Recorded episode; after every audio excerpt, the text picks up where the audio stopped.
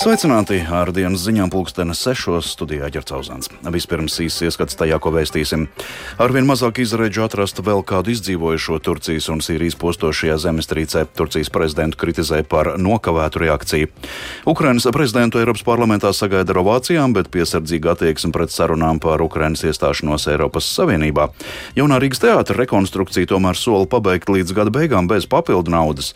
Latvijas privātajās augstskolās studiju programmu Krievu valodā vairs nebūs. Par šiem tematiem ziņu turpinājumā plašāk.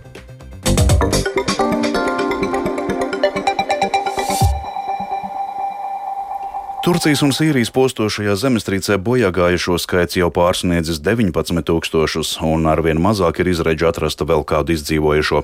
Glābšanas darbi turpinās, un pirmās palīdzības kravas ir sasniegušas arī Sīriju. Turcijas prezidents Erdogans vakar viesojās zemestrīces izpostītajos reģionos, solot tos atjaunot jau gada laikā, taču Erdoganu aizvien asāk kritizē par nemākulīgo valsts pārvaldību un nokavēto reakciju uz zemestrīces seku likvidēšanu. Kritiķu galvenos argumentus dokumentus apkopoja Uģis Lībietis. Pēdējo dienu laikā Turcijas varas iestāžu virzienā neapmierinātība plūst gan no vienkāršiem iedzīvotājiem, kuri bieži vien vārdu tiešākajā nozīmē nespēja atbrīvot savus tuviniekus no grovišiem, gan no politiskās opozīcijas, kura kritizē valsts prezidentu Reģepu Tāju Erdoganu par nemākulīgo valsts pārvaldību. Faktiski nereti tiek uzsvērts, ka šī zemestrīce nav nemaz bijusi dabas stihija, bet gan politiska un sociāla katastrofa. Galvenokārt tāpēc, ka zinātnieku brīdinājumi, īpaši jau celtniecības jomā, no politiķu puses ir ignorēti turēti gadiem ilgi.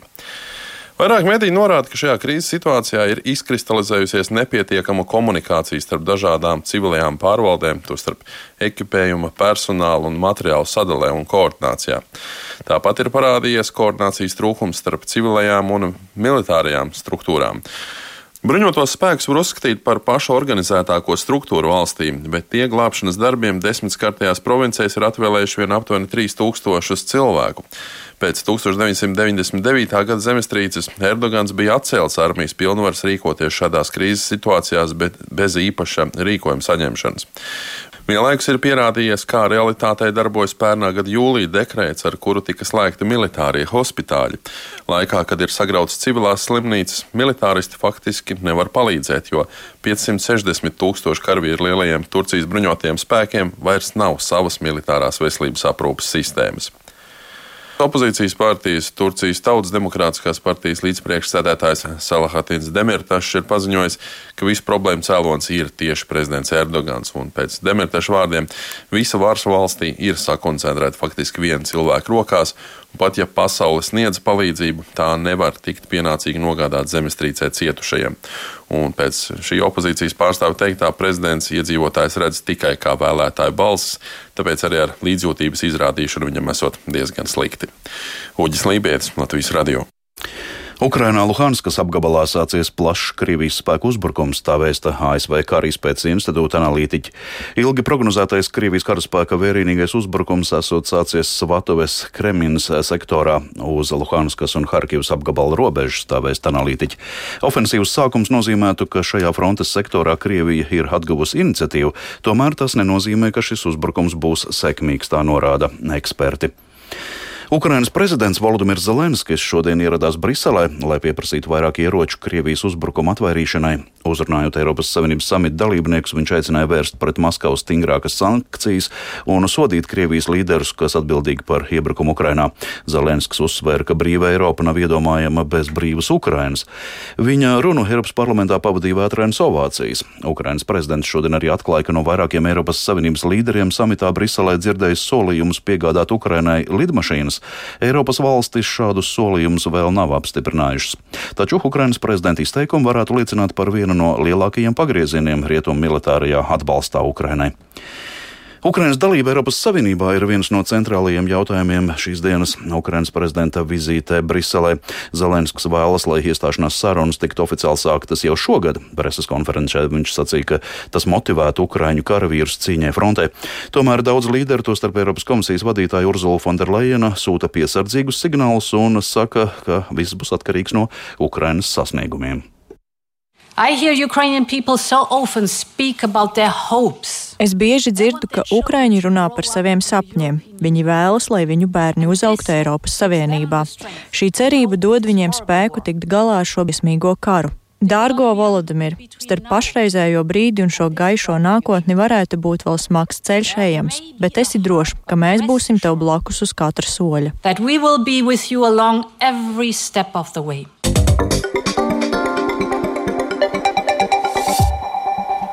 No amata atbrīvots uzņēmumā Latvijas dzelzceļš valdes priekšstādātājs Mārs Kleinbergs. Uzņēmuma padome nesot apmierināta ar viņa darbu.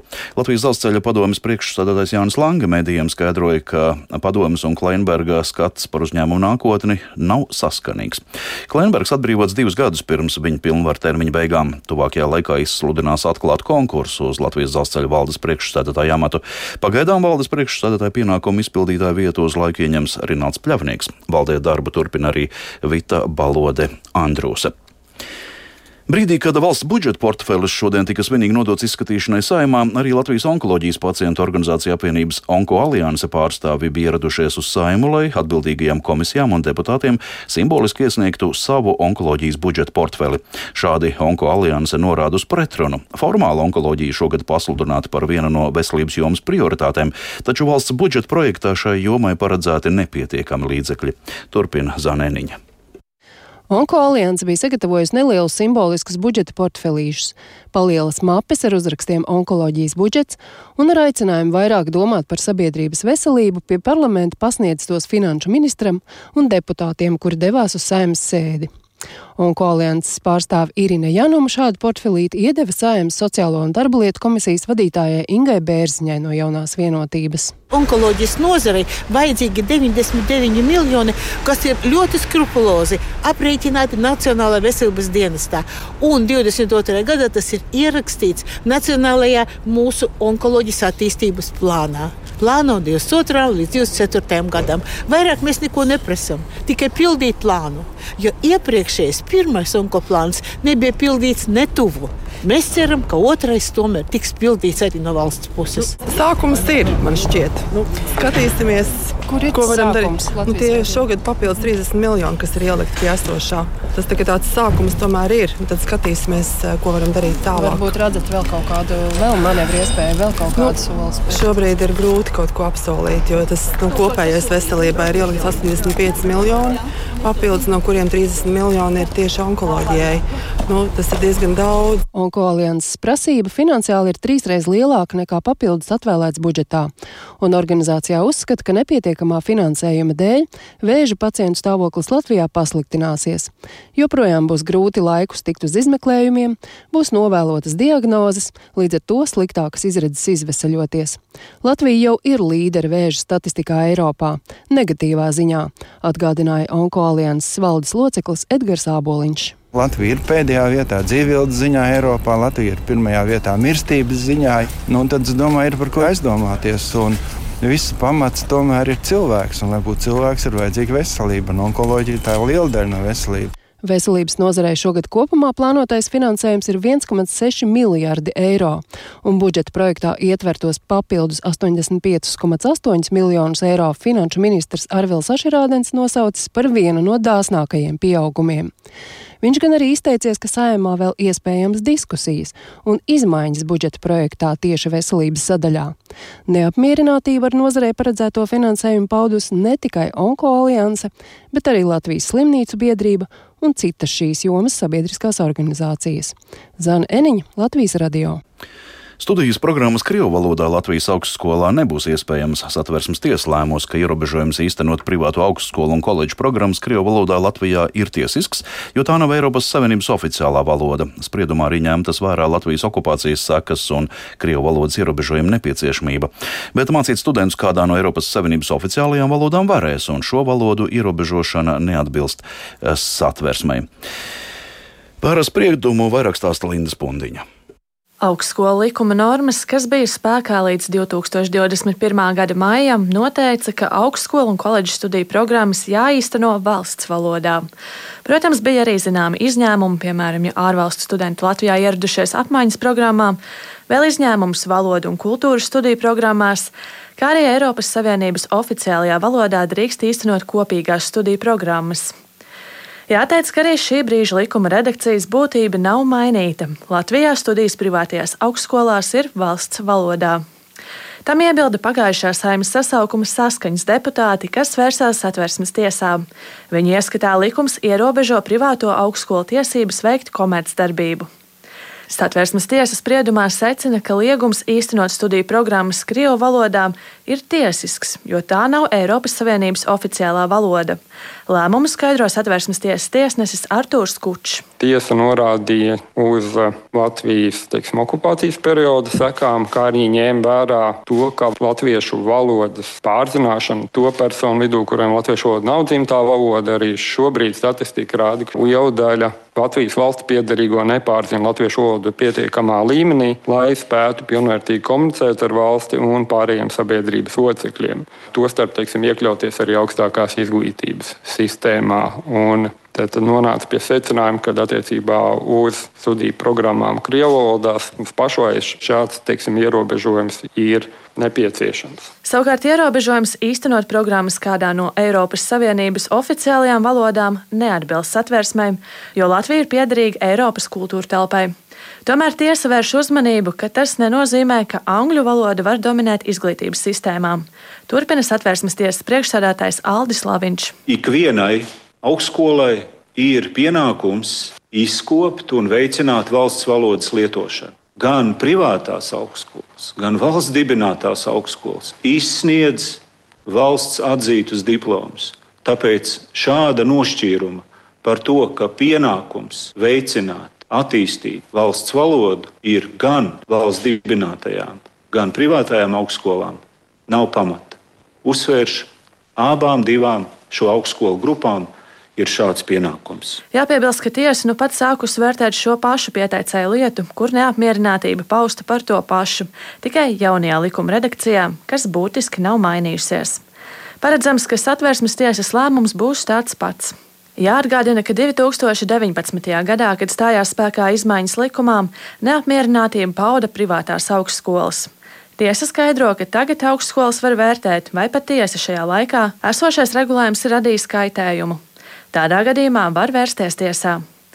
Jāpiebilst, ka likuma grozījumi paredzēja arī pārejas periodu, tiesības turpināt studiju programmas īstenošanu svešvalodā līdz pagājušā gada beigām, bet jaunus studentus uzņemt programmās vairs nevarēja. Linda Spundiņa, Latvijas radio. Jaunais Rīgas teātris ir pabeigts par aptuveni trim ceturdaļām, un to iespējams pabeigs līdz gada beigām, nepiesaistot papildu naudu. Vēl gan ir daudz neskaidrību, vairāk par to stāsta Viktors Damīdovs. Būs metāla durvis, melna grīda un tā tad 250 vietas. Tāda būs pirmā Baltijā šāda zāle. Starp kaudzēm, būvmateriālu un dažādiem instrumentiem jaunā Rīgas teātra rekonstrukcijas projekta autore Zaiga Gaila iepazīstina ar vairākos gados padarīto. Tagad atrodos tā saucamajā Blackbox zālē, kas esot katra modernā teātra režisora sapņu zāle. Lai gan tagad norit darbu noslēdzošais posms un teātris pamazām iegūst vēlamās aprises, līdz ilgi gaidītam sapnim vēl ir jāpaciešas, un tas jau ir kārtējo reizi. Iesākumā to bija plānots plānots pabeigt jau 2021. gada sākumā, tad 22. gada vasarā, tad rudenī, pēcāk šogad martā, bet tagad cerība ir par gada nogali. Valsts nekustamo īpašumu vadītājs Renārs Griškevičs norāda, ka ar būvnieku regulāri veids sarunas. Sarunas faktiski tagad eh, dotajā fāzē ir intensīvas, sarunas mums ir bijušas un ir nepārtraukti, bet tagad ir tas jautājums, nu, kādā veidā, ko tad vēl varētu darīt papildus, lai darba spēks tiktu mobilizēts. Vai ir kaut kādas jau nojausmas, ka situācija jau palēnām virzās uz priekšu, uz labāko pusi? Es teiktu, ka jā, ir notikuši vairāki sarunu raundi, ir iezīmēti scenāriji, kādā veidā būvnieks spēs rīkoties un piesaistīt resursus. Un tajā pašā laikā, ko mēs no mūsu puses, no pasūtītāja puses vēl varam darīt, lai sasniegtu mērķi. Griškevičs norāda, ka ikdienu atjaunošanā iesaistās simt darbinieku, taču to skaitu vajadzētu dubultot. Turpretim būvnieku pārstāvis Jānis Kreitsburgs no pilnsabiedrības SBSC atzīst, ka to izdarīt nav vienkārši.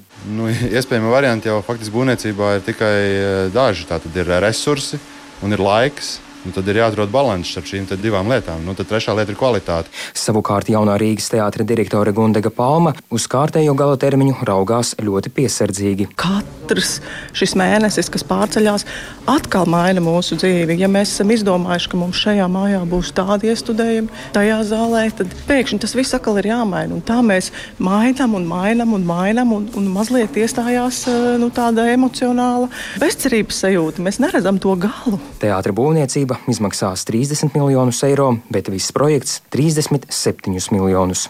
Viktors Demidovs, Latvijas radio. Līdz ar to izskan dienas ziņas sešos tās producēja Edgars Kopčs, par labskaņu rūpējās Renāša Tēmans un Kārlis Rašmanis, studijā ģercauzāns vēl atskats svarīgākajā. Arvien mazāk izredzu atrast vēl kādu izdzīvojušo Turcijas un Sīrijas postošajā zemestrīcē. Turcijas prezidentu kritizē par nokavētu reakciju. Ukrainas prezidentu Eiropas parlamentā sagaida ar ovācijām, bet piesardzīgā attieksme pret sarunām par Ukrainas iestāšanos Eiropas Savienībā. Jaunā Rīgas teātra rekonstrukcija tomēr sola pabeigt līdz gada beigām bez papildu naudas. Yeah. Kā ziņo Latvijas vidus geoloģijas un meteoroloģijas centrs, Rīgā šobrīd gaisa temperatūra ap nulli, dienvidu vējš 5 m2. Naktī būs mākoņdienas, lielākajā daļā Latvijas nokrišņa, austrumos sniegs, rietumos slapjš sniegs un lietus. Ceļi slideni, brāzmainas rietumu vējš, kas nakts otrajā pusē un rīt no rīta piekrastē sasniegs pat 23 m2. 0,5 grādi, kurzemē minus 1,2 rīt. Valsts austrumos sniegs, slapjš sniegs 0,4 grādi.